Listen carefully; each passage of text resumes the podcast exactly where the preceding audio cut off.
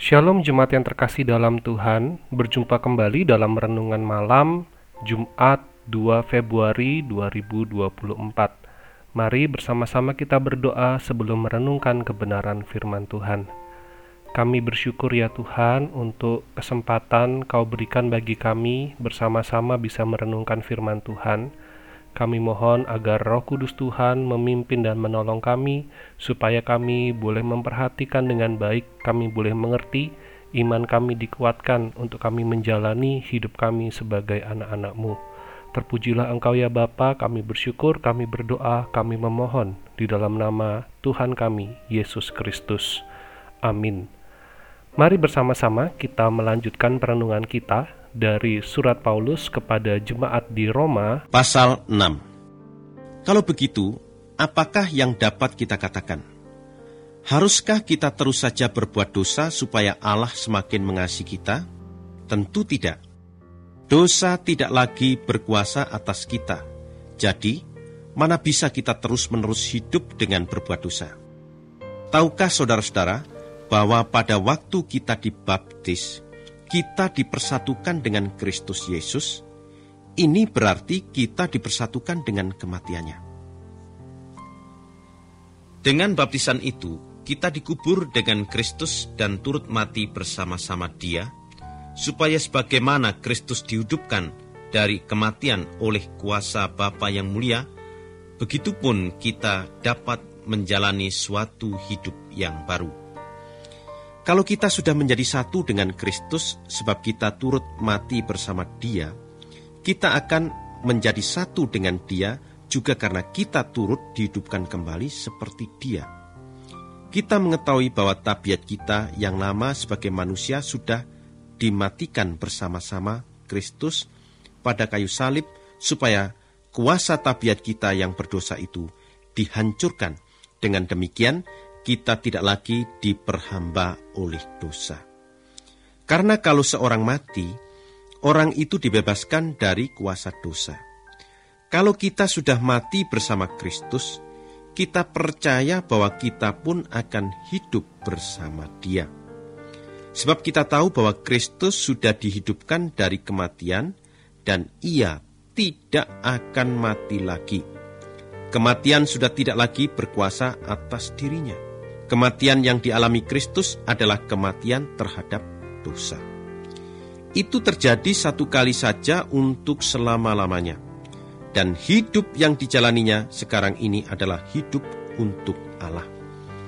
Kalian harus juga menganggap dirimu mati terhadap dosa, tetapi hidup dalam hubungan yang erat dengan Allah melalui Kristus Yesus.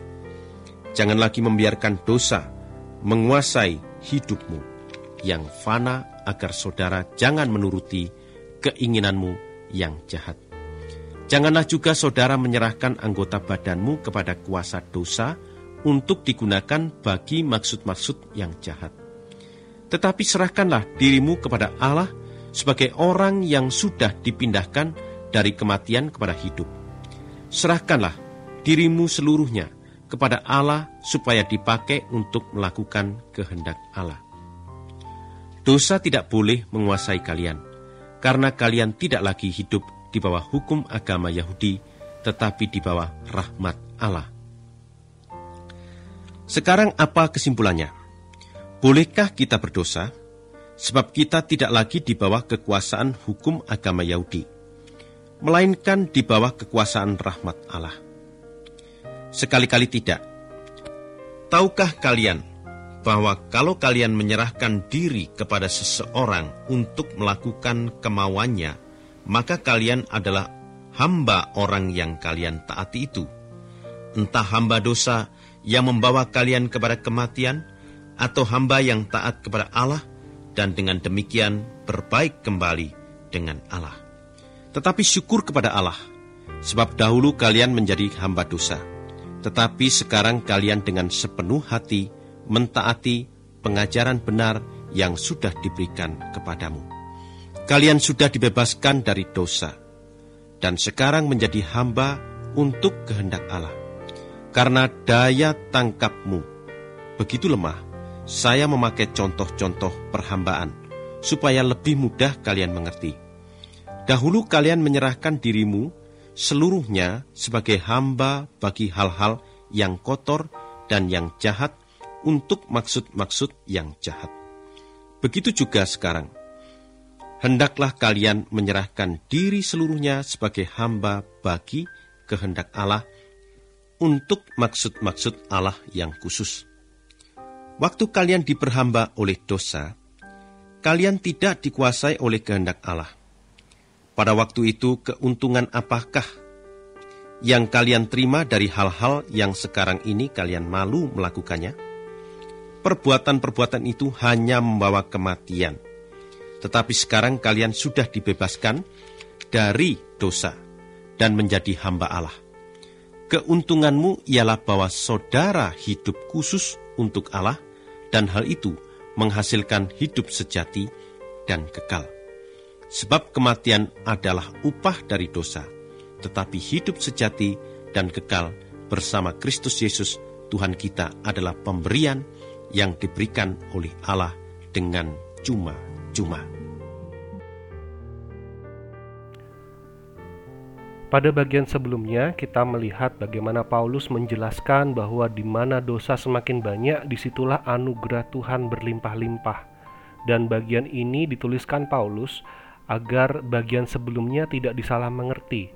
Memang kita diselamatkan bukan karena perbuatan kita, tetapi anugerah Allah dan anugerah keselamatan itu seharusnya nampak dari kehidupan kita, kehidupan yang diubahkan. Ada pertobatan dan buah-buah pemberitaan Injil. Karena menjadi orang Kristen, percaya kepada Yesus adalah sebuah anugerah yang membawa kita pada perubahan hidup, yaitu hidup yang mengarah pada Kristus, hidup yang tertuju pada kehendak Allah. Inilah hidup yang baru. Kehidupan lama adalah kehidupan tanpa Kristus, kehidupan yang berfokus hanya pada diri sendiri, memenuhi keinginan atau kehidupan sendiri. Itulah kehidupan lama, kehidupan yang semakin membuat manusia jauh dari Allah. Paulus mengingatkan agar kita harus menjaga bagaimana kita hidup. Jangan sampai kita menyerahkan anggota-anggota tubuh kita kepada dosa untuk dipakai sebagai senjata kelaliman. Mari kita jaga mata kita, kita jaga mulut kita, jaga tangan, kaki, dan semua anggota tubuh kita agar kita tidak digunakan untuk melayani dosa. Kita harus berhati-hati. Jangan sampai tangan yang kita pakai untuk memberi persembahan, tangan itu juga yang kita pakai untuk menyakiti orang lain. Jangan sampai mulut yang kita pakai untuk memuji Tuhan digunakan untuk mengucapkan sumpah serapah atau ucapan yang tidak perlu. Jangan kita serahkan anggota tubuh kita untuk dosa, tetapi serahkanlah pada Tuhan. Kita gunakan untuk menjalani hidup agar melalui kehidupan kita, kita dapat menjadi berkat bagi sesama, menjadi kesaksian bagi orang-orang di sekitar kita. Anugerah Allah sungguh mengubahkan hidup kita. Sekarang kita adalah milik Allah, hamba Allah. Memahami hal ini akan menolong kita untuk terus memikirkan bahwa hidup saya saat ini adalah hidup untuk melakukan kebenaran sesuai dengan kehendak Tuhan saya, yaitu Yesus Kristus. Ketika muncul keinginan atau pikiran untuk tidak taat atau keinginan untuk melakukan dosa, mari kita segera kembali pada Allah. Jangan biarkan diri berlama-lama pada godaan dosa. Bergeraklah dalam ketaatan, berjalanlah dalam kebenaran. Karena anugerah Allah telah menyelamatkan kita dan Tuhan ingin agar kita berjalan di dalam anugerahnya. Mari kita berdoa. Kami bersyukur ya Tuhan untuk anugerah yang menyelamatkan kami. Kami bersyukur untuk kesempatan kami boleh menghidupi anugerah itu.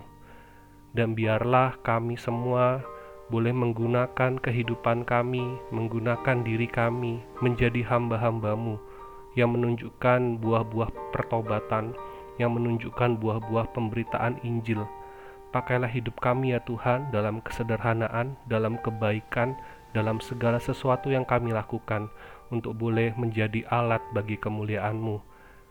Di dalam nama Tuhan Yesus kami berdoa. Amin. Selamat malam, selamat beristirahat. Tuhan Yesus memberkati.